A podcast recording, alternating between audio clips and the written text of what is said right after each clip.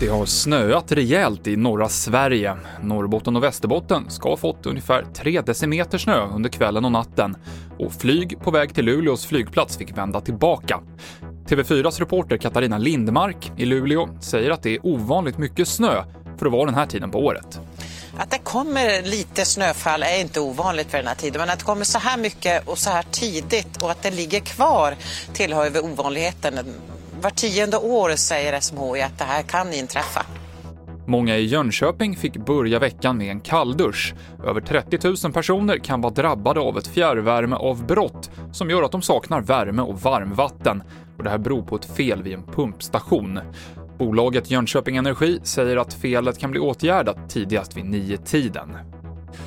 Och flera poliser med kulsprutepistoler fick rycka ut till ett parkeringshus i Umeå igår kväll efter att en person sett män med automatvapen. Det visade sig vara soft airguns och att männen höll på med en filminspelning, det rapporterar Västerbottens-Kuriren. Det är oklart om någon är misstänkt för brott. TV4-nyheterna med Mikael Klintevall.